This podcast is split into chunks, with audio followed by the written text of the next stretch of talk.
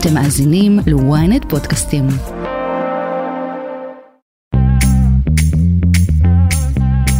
שלום לכם, שבוע טוב, אתם איתנו על כסף חדש, הפודקאסט הכלכלי היומי של ynet. היום יום רביעי, החמישה ביולי. אז מה יהיה לנו היום? המבצע הצבאי בג'נין הסתיים, לפחות לבינתיים, אך הרשות הפלסטינית נותרת במצב כלכלי רעוע במיוחד, בלשון המעטה. מה ההשלכות של פשיטת רגל אפשרית ברשות אה, על ישראל ועל יוקר המחיה של כולנו? איך המצב הכלכלי קשור להתגברות הטרור, ולמה בעצם לכולנו צריך להיות אכפת. מי יצטרך להיכנס לנעליים של רשות אם היא לא נמצאת? כמובן זה מדינת ישראל. מה יהיה אם אנחנו נצטרך לספק את אותם שירותים שישראל מספק לאזרחים הישראלים, היום גם לעוד מיליוני פלסטינים. יוקר המחיה רק ימשיך להחריף, זה יפגע בנו במשלמי המיסים ישראלים. וגם, קרה לכם שהזמנתם צימר בבוקינג ורק בסוף גיליתם שלא כללו את המע"מ במחיר הסופי? לא עוד, מתחילת יולי האתר מציג את המחיר הסופי כולל מע"מ על הזמנות של ישראלים בארץ. כתבתנו מירב קריסטל סיפרה לנו למה זה קורה דווקא עכשיו, ומה עוד כדאי לדעת בשביל לחסוך כמה שקלים בכיס. וזה גם לא חוקי. זאת אומרת, יש חוק שאומר אסור להציג ככה את, ה, את הסכומים, הם כבר נקנסו על ידי הרשות להגנת הצרכן ב-2.5 מיליון שקל. לסיום, נשמע על מלחמת הסחר בין ארצות הברית לסין שעלתה שלב בימים האחרונים, ערב יום העצמאות האמריקני וימים ספורים לפני ביקור שרת האוצר בבייג'ין, סין הודיעה שתגביל ייצוא של מתכות שכיחיות לייצור שבבים, אחת התעשיות החשובות והבולטות של השנים האחרונות. מה משמעות ההחלטה והאם המצב בין שתי המעצמות הגדולות בעולם הולך להשתפר או דווקא להחמיר? והסיבה שזה נעשה זה בעיקר לצורכי אה, משא ומתן ולהראות לארצות הברית, הם מתחילים כבר להגזים, גם לנו יש איך לפגוע בכם. אני דן רבן, שקד אילת עורכת את הפרק ונדב ברכה על הביצוע הטכני. כסף חדש, מתחילים. כסף חדש כסף חדש, אנחנו רוצים להתחיל ב- ב- בסוגיה אולי הכי אה, בוערת בימים האחרונים, וזה הפעולה הצבאית אה, בית וגן בג'נין שהתנהלה בימים האחרונים, אה, ונראה שלעת עתה הסתיימה בכל מקרה, אבל גם בצה"ל, גם ראש הממשלה, כולם אומרים זה לא פתרון קסם וזה לא הפעולה האחרונה. אנחנו רוצים לדבר קצת על התמונה היותר רחבה של המצב הכלכלי הרעוע בלשון המעטה של הרשות הפלסטינית, שלא ממש מבשר טובות גם בנוגע לעתיד היחסים בינינו, ישראל. לבין הרשות אה, ולהבין קצת את ההשלכות של מה הכלכלה ברשות עושה לנו. בשביל זה אני רוצה להגיד שלום לג'ייסון סילברמן, סמנכ"ל היוזמה לצמצום הסכסוך ודוקטורנט במחלקה ליחסים בינלאומיים באוניברסיטה העברית, שלום ג'ייסון. שלום לך. אז ברשותך, אני חושב שמעט מאוד אנשים בארץ יודעים, תן לנו איזושהי סקירה כללית על המצב הכלכלי של הרשות הפלסטינית היום. בסדר גמור. אמ, אז הרשות הפלסטינית בכלל, והכלכלה הפלסטינית בפרט, נמצאות היום בשפל שהוא תוצאה של שנים של דעיכה והיחלשות. אבל כבסיס חשוב להבין שלכלכלה של הרשות תלויה בגורמים חיצוניים כמעט באופן מוחלט. אני רוצה להזכיר שבין ישראל לפלסטינים מעטפת מכס משותפת, הכלכלה הישראלית והפלסטינית מחוברות זו לזו, אפילו המטבע שהם משתמשים בו ביום יום הוא השקל של, של ישראל. עכשיו, לכן להחלטות מוניטריות יש הרבה השפעה על הפלסטינים. ישראל גם מהווה כ-86% של הייצור של הפלסטינים. בקיצור, הפלסטינים מאוד מוגבלים במה שהם יכולים לעשות, כלכלית, פיתוח, החלטות עצמאיות וכולי. אוקיי, okay, אבל תהליך... לפני שאנחנו שנייה מדברים על, על הקשר אל ישראל שהוא כמובן כמעט שלם, מה, מה המצב שלהם כיום כישות עצמאית, אם אפשר לקרוא לזה? המצב כן. הכלכלי שלהם? כי יש דיווחים כבר תקופה שהם מתקרבים לממש פשיטת רגל. נכון, הם מאוד uh, מתקרבים uh, uh, לפשיטת רגל, ו- וזה בגלל שאין להם הרבה, uh, בוא נגיד, אין להם הרבה סמכויות uh, עצמאיות. הכל, כאילו, מאוד קשה לא להתייחס uh, לצד הישראלי, בגלל שהם מאוד uh, תלויים בישראל. ישראל uh, מקזזת uh, כספים, uh, בין אם זה על uh, טיהור uh, שפכים, או בין אם זה uh, על uh, משכורות uh, למשפחות של מחבלים של הרשות הפלסטינית. מקדמת, ולכן אין להם, אה, קודם כל הם לא, הם לא מצליחים גם לשלם משכורות, אה, בקושי לשלם משכורות אה, לעובדים שלהם, לפי השיחות שלי, גם דיווחים וגם שיחות שלי עם דיפלומטים מערביים. הרשות הפלסטינית לא, לא מצליחה להשקיע כסף בכלל בתשתיות, בפרויקטים ממשלתיים, רק, אך ורק לשלם למשכורות, וגם זה באופן חלקי. אבל יש לרשות תרומות מכל מיני גופים בינלאומיים וממדינות במדינות ערב ברחבי העולם. כלומר יש תרומות שאמורות להגיע לפחות לתשתיות זה זה לא מגיע אתה אומר כלומר אין להם הם טוענים שמה זה לא מספיק או שמה. תראה, יש להם תרומות, ואני רוצה להגיד שגם uh, בצד הפלסטיני יש, uh, יש פה uh, גם uh, בעיה uh, מאוד uh, עמוקה ב, uh, בתרבות הניהול הלקוי uh, של הכלכלה הפלסטינית. לא התקיימו uh, בחירות uh, 18 שנה, יש גם מצב חמור של שחיתות שלטונית, אבל מעבר לזה, רוצה להגיד שהמדינות התורמות כבר חוות איזושהי עייפות. אה, מהמצב אה, בשטח, מהמצב של הרשות.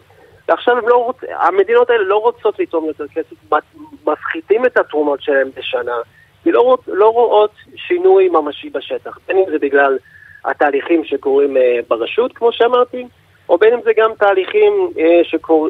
שקורים בצד הישראלי, יש חסמים על, ה... על הכלכלה הפלסטינית. ישראל שולט, שולטת ב, ב, ברוב הדברים שקורים בכלכלה הפלסטינית. אמ, ו... אמ, וזה מאוד קשה ל, ל, לרשות הפלסטינית, בוא נגיד, להתנהל ככה גם בגלל עצמה וגם בגלל תהליכים אה, אה, בצד הישראלי שאני אשמח להרחיב עליו.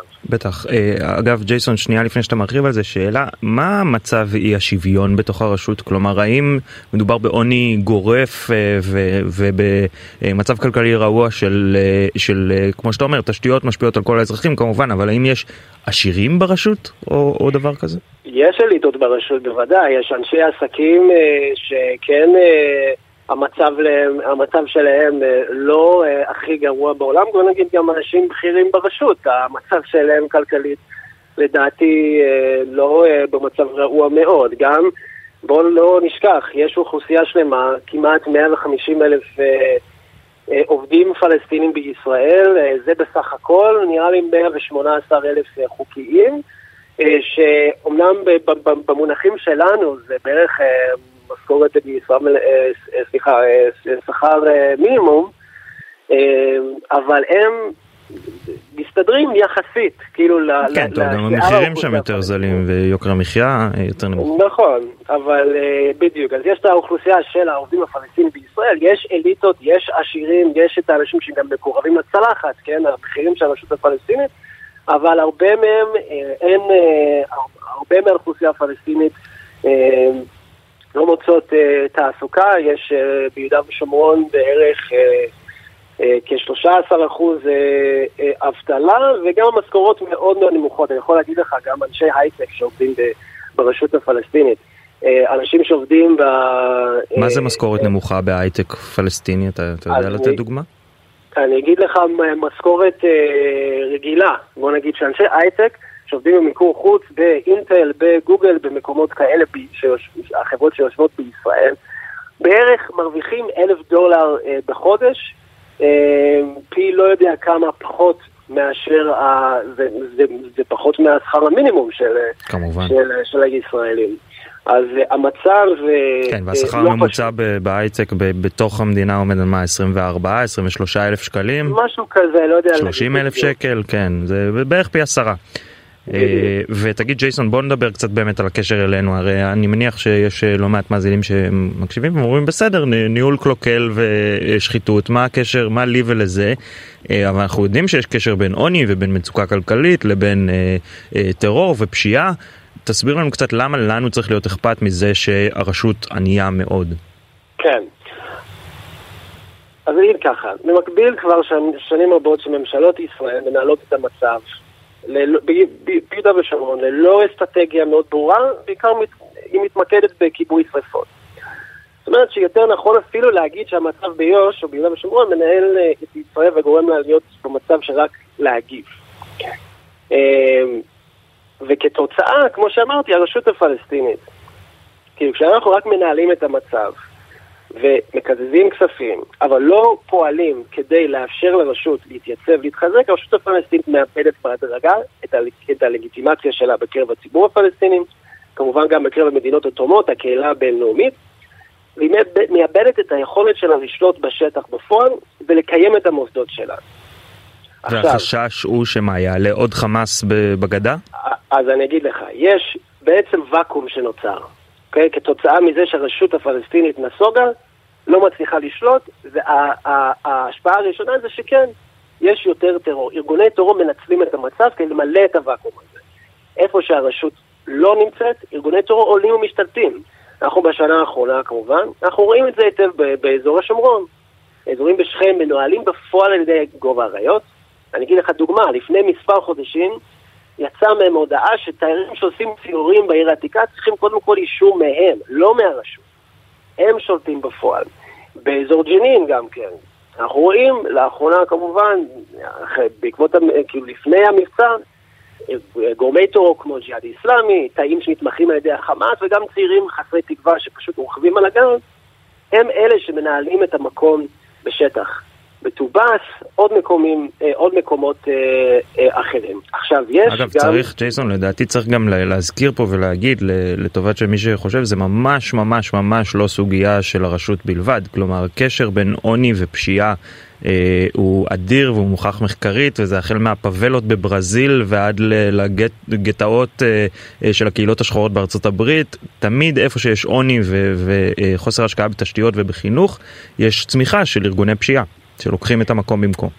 לגמרי, לגמרי, אבל יכול להיות שאם היה, היה לרשות, או הייתה לרשות יותר יכולת לנהל את התשתיות, אה, סמכויות, לא להיות תלויה במאה אחוז בישראל, יכול להיות ש, שהיה יותר, אה, לא יודע, הזדמנות, יותר כדאיות להשקיע ברשות הפלסטינית, יותר כדאיות להשקיע בתשתיות מחו"ל. כשאנשים מחו"ל רואים שיש חוסר, חוסר יציבות, גם שחיתות בצד הפלסטיני, אבל גם תלות מלאה בישראל ובגורמים אחרים, זה לא כל כך כדאי להשקיע כלכלית.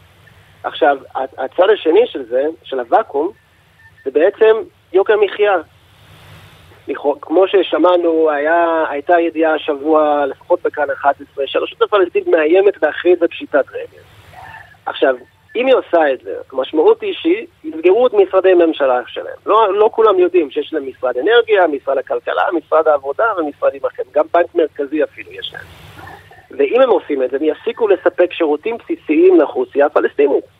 עכשיו, היום הם מספקים שירותים בסיסיים כמו אה, פינוי אה, אשפה, אה, מדביקים תעודות לרישיון עסק, ו- ועוד דברים. ומי יצטרך להיכנס לנעליים של הרשות אם היא לא נמצאת? כמובן זה מדינת ישראל. אנחנו חושבים שיש לנו בעיה עכשיו של יוקר מחיה, שאנחנו רואים את כל המחירים עולים, הריבית עולה כל הזמן. מה יהיה אם אנחנו נצטרך לספק את אותם שירותים שישראל מספק לאזרחים הישראלים, היום גם לעוד מיליוני פלסטינים. יוקר מחיה רק ימשיך להחריף, זה יפגע בנו במשלמי מיסים ישראלים. אגב, אנחנו, אני מניח שגם ראש הממשלה נתניהו יודע את זה, כי עוד לפני המבצע בג'נין הוא כינס את ראשי מערכת הביטחון לדון במצב הכלכלי בגדה ובאפשרויות לחזק את הרשות הפלסטינית, והוא כאמור מהליכוד. אה, אני כן רוצה לשאול אותך עוד שאלה אחת נוספת בדקה שנותרה לנו. אה, בכל זאת, היינו עכשיו אחרי מבצע נרחב וקצת יוצא דופן אה, בג'נין. כן. איך, איך דבר כזה משפיע על, ה, על הכלכלה של הרשות? אז ככה, אני אדבר על, על, על ג'נין גם באופן ספציפי. במיוחד, אני יכול להגיד שחלק משמעותי של הכלכלה של ג'נין, וגם עוד ערים אה, פלסטיניות אה, באזור, נשען על ערבי ישראל. וכשיש פעילות מסיבית כזאת, אז ברור שאנשים לא יכולים לבוא, וזה לא רק על המבצע עצמו, זה גם uh, בחודשים האחרונים.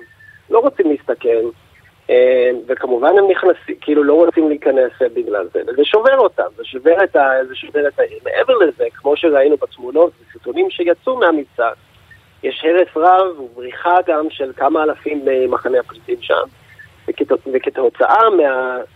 אה, זה כתוצאה מהמבצע, ואפשר להניח שפעילות כלכלית נפגעה משמעותית שם. צריכים לבנות תשתיות מחדש, היו אה, אה, רחובות אה, אה, אה, אה, הרוסים, צריך שאנשים יחזרו, ש, שישתקמו, ומעבר לזה אני חושב שאי אפשר להגיד גם באותו יום ש, שמסתיים המבצע, צריך לחכות לראות מה ההשפעות ארוכות הטווח. אבל מה שחשוב זה כמו שאמרת לגבי ראש הממשלה.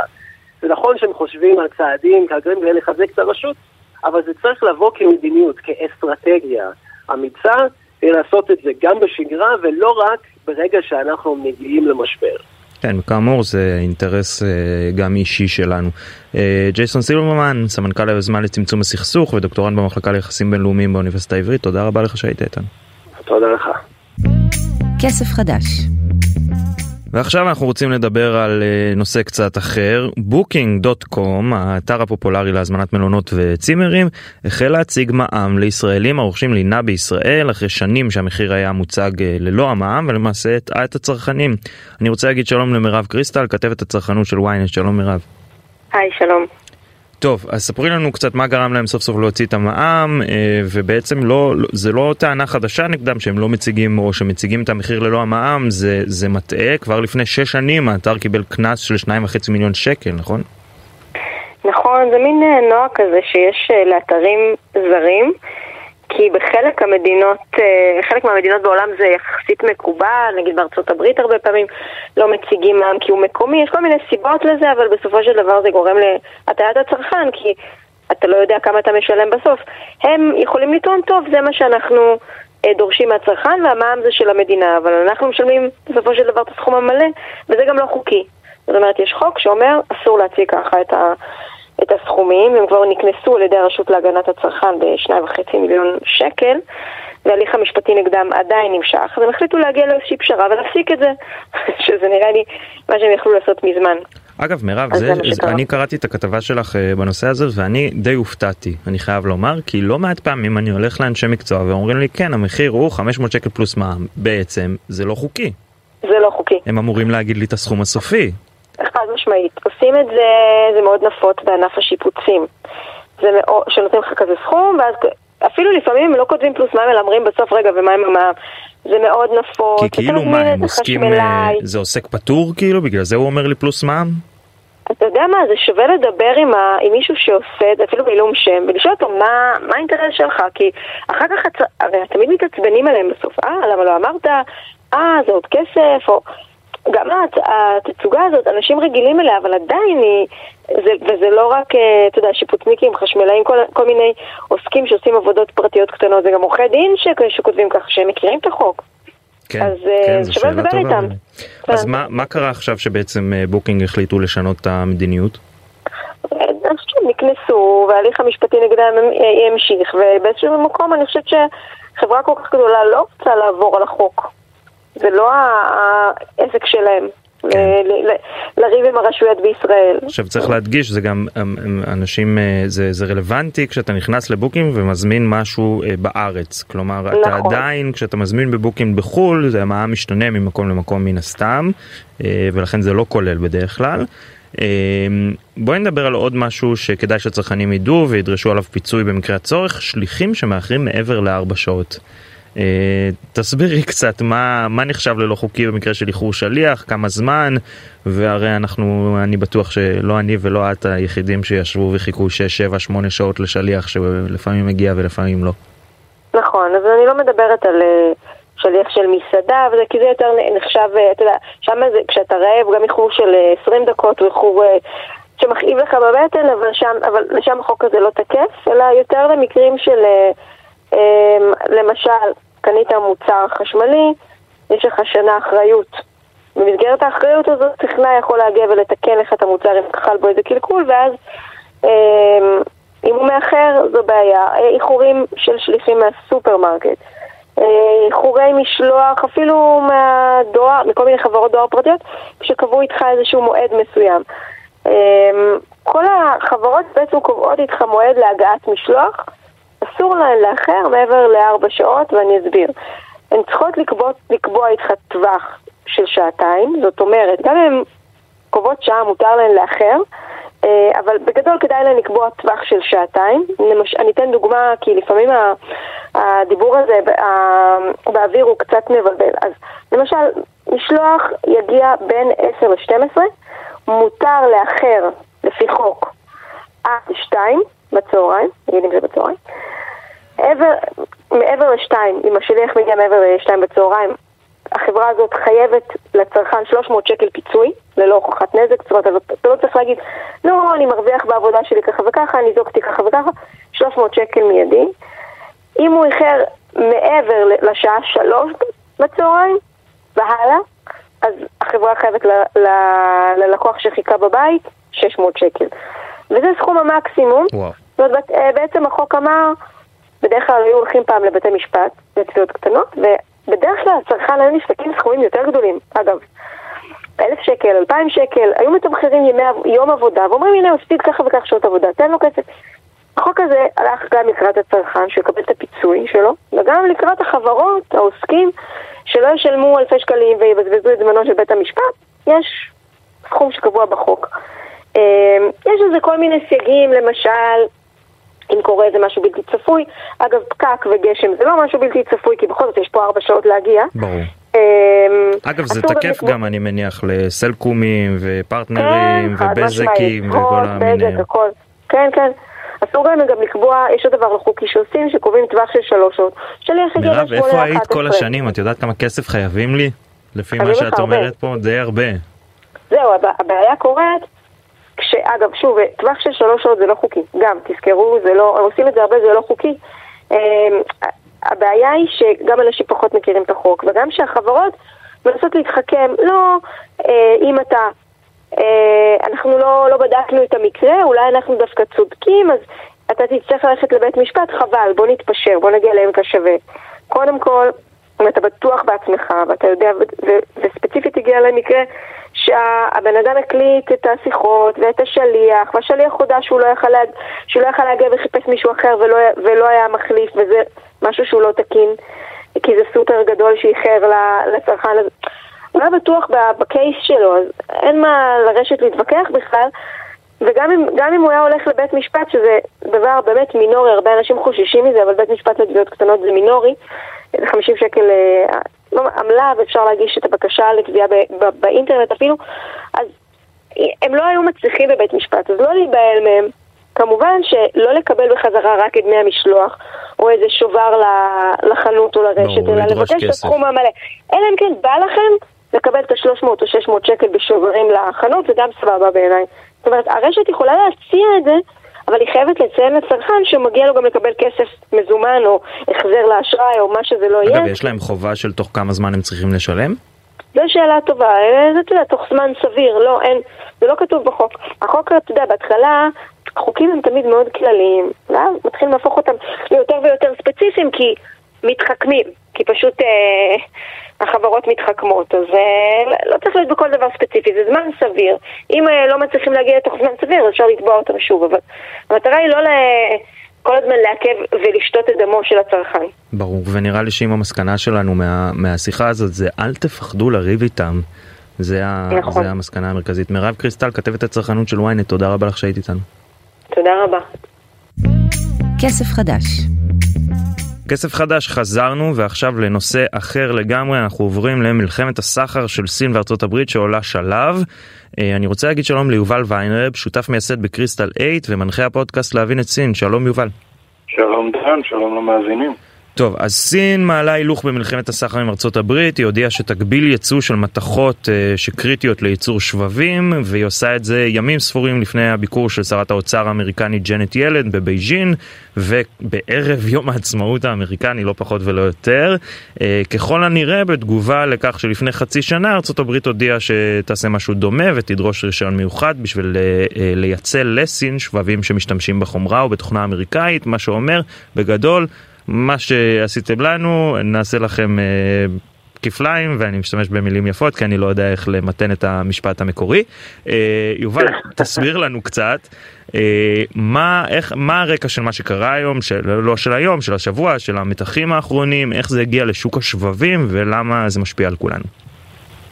נכון, אז, אז דבר ראשון הקדמה שלך מדויקת וזה קונטקסט חשוב כי בסוף כרגע נראה שההגבלות האלה, ההגבלות שסין עשתה על ייצוא של חומרים להכנת שבבים באמת אה, תגובת נגד, זה בוודאות, וזו תגובת נגד שהייתה על השולחן בעצם מהרגע שארה"ב התחילה עם הסנקציות שלהם על אה, תעשיית השבבים הסינית. שזה בעצם היה טוב. באוקטובר האחרון, נכון? נכון, היה... ו- וזה היה איזשהו שיא של, אה, בוא נגיד, מה שהתחיל כמלחמת סחר והפך ל- למשהו שכבר נראה אה, מאוד לא טוב ליחסים של שתי המעצמות המובילות בעולם, ושהן כמובן גם מאוד שלובות אחת בשנייה ומשפיעות מאוד על הכלכלה הגלובלית כולה. בעצם כבר עוד מימי טראמפ אה, התחילו הניצוצות של מלחמת הסחר הזאתי, אבל בתקופה של ביידן זה הפך להיות משהו הרבה יותר אסטרטגי, שלא מנסה להוסיף עכשיו עוד אה, אחוזים של, אה, של מכסים על סחורות סיניות מסוימות, אלא ממש בא להגביל תעשיות טכנולוגיות אסטרטגיות בסין, כאלה שהאמריקאים תופסים כאיום על ההובלה הגלובלית שלהם, גם מבחינה טכנולוגית וכמובן היום כשהכול טכנולוגיה, אז זה משפיע על המעמד הכלכלי, על המעמד הבינלאומי וכמובן גם על אה, אפליקציות צבאיות שונות. אגב, בוא, בוא נזרוק קצת אה, אה, דברים שקראתי היום והיו מעניינים בהקשר הזה. א', אל ארה"ב הצטרפו הולנד ויפן אה, ב, ב, נכון. בחרם הזה על סין. ב', מעל 50% מהשבבים שארצות הברית משתמשת בהם, מהמתכות האלה, מגיעים מסין, וסין היא היצרנית הכי גדולה של שני, שתי המתכות, שאני לא יודע להגיד את שמם, ולכן אני לא אגיד אותם, אבל הן מאוד רלוונטיות לייצור שבבים. כן. אנחנו מדברים פה על משהו קריטי, קריטי שמגיע מ... אה, לא יודע מה, מסכים ומקררים ועד לרכבים אה, חשמליים ועד לתעשייה צבאית, זה מגיע בכל מקום, אה, זה נקרא semi, conduct, semiconductor, מוליך למחצה, ואנחנו שוב, כאמור, לא ניגע בפן הדיגיטלי והטכני, אבל תסביר למה דווקא מתמקדים בדבר הזה, איך זה קשור למהפכת ה-AI שקורית לאחרונה, ל super computers, למה הם בעצם מפחדים דווקא מהתחום הזה? נכון, אז דבר ראשון, ארה"ב אה, שמה את המגבלות שלה על סין בתחומים האלה, וזו הנקודה שזה באמת קו אסטרטגית לסין, כי כמו שאמרת, בעצם שבבים מתקדמים היום, דבר ראשון הם נמצאים בכל מקום, גם בדברים שאנחנו לא תופסים אותם בתור איזה שיא הטכנולוגיה כמו אה, אה, מקררים או מכונות כביסה, אבל שם זה לא באמת שבבים מתקדמים. מקומות שבהם שבבים מתקדמים הם קריטיים, ששם ההגבלות האמריקאיות זה בעצם אה, במחשבים ענקיים, מחשבי ענן או, או מחשבי על, שמשמשים באמת למטלות הכבדות, המיוחדות, אה, גם להפעיל את כל מה שאנחנו רואים היום ממהפכת ה-AI, כמו צ'אט GPT וכאלה, אבל בעצם להרבה הרבה הרבה דברים שאולי אנחנו לא מייחסים אותם ל-AI, אבל שהיום AI הוא בעצם משהו שקיים כמעט בכל מוצר טכנולוגי אה, מתקדם. והבסיס בשביל לעשות כל חישובי ה-AI האלה הם שבבים. כמה שהשבבים יותר מתקדמים, החישובים והפעולות האלה נעשות יותר ביעילות ומאפשרות בעצם לעשות אותם בצורה יותר, אה, יותר טובה, בטח ביחס לעלות שלהם. אה, ובעצם כשארצות הברית הטילה את המגבלות האלה על סין, היא בעצם עצרה את היכולת שלה להתקדם בתחומים שהם הכי קריטיים לסין, כי זה בעצם ה-cutting edge, כלומר הטכנולוגיות הכי מתקדמות והכי מיוחדות שעושות את ההבדל בכל תחום, בין אם זה בטלפונים סלולריים ומחשבים, בין אם זה חוות שרתים שמאפשרות לכל מיני תוכנות מבוססות AI לפעול כמו שצריך, וגם בהרבה יישומים צבאיים כאמור, שהיום משתמשים יותר ויותר בטכנולוגיה מתקדמת. ומה שבעצם זה יצר זה איזשהו מצב שסין תקועה ביכולת הייצור של שבבים שני דורות אחורה. זאת אומרת שיש לה איזשהו פער של יעילות ביכולות הטכנולוגיות שלה מול המערב. זה בעצם מה שהאמריקנים מנסים לשמר, נכון? שהיא תישאר צעד אחד מאחור. נכון, כלומר, זו, זו המטרה של כל ההגבלות האלה.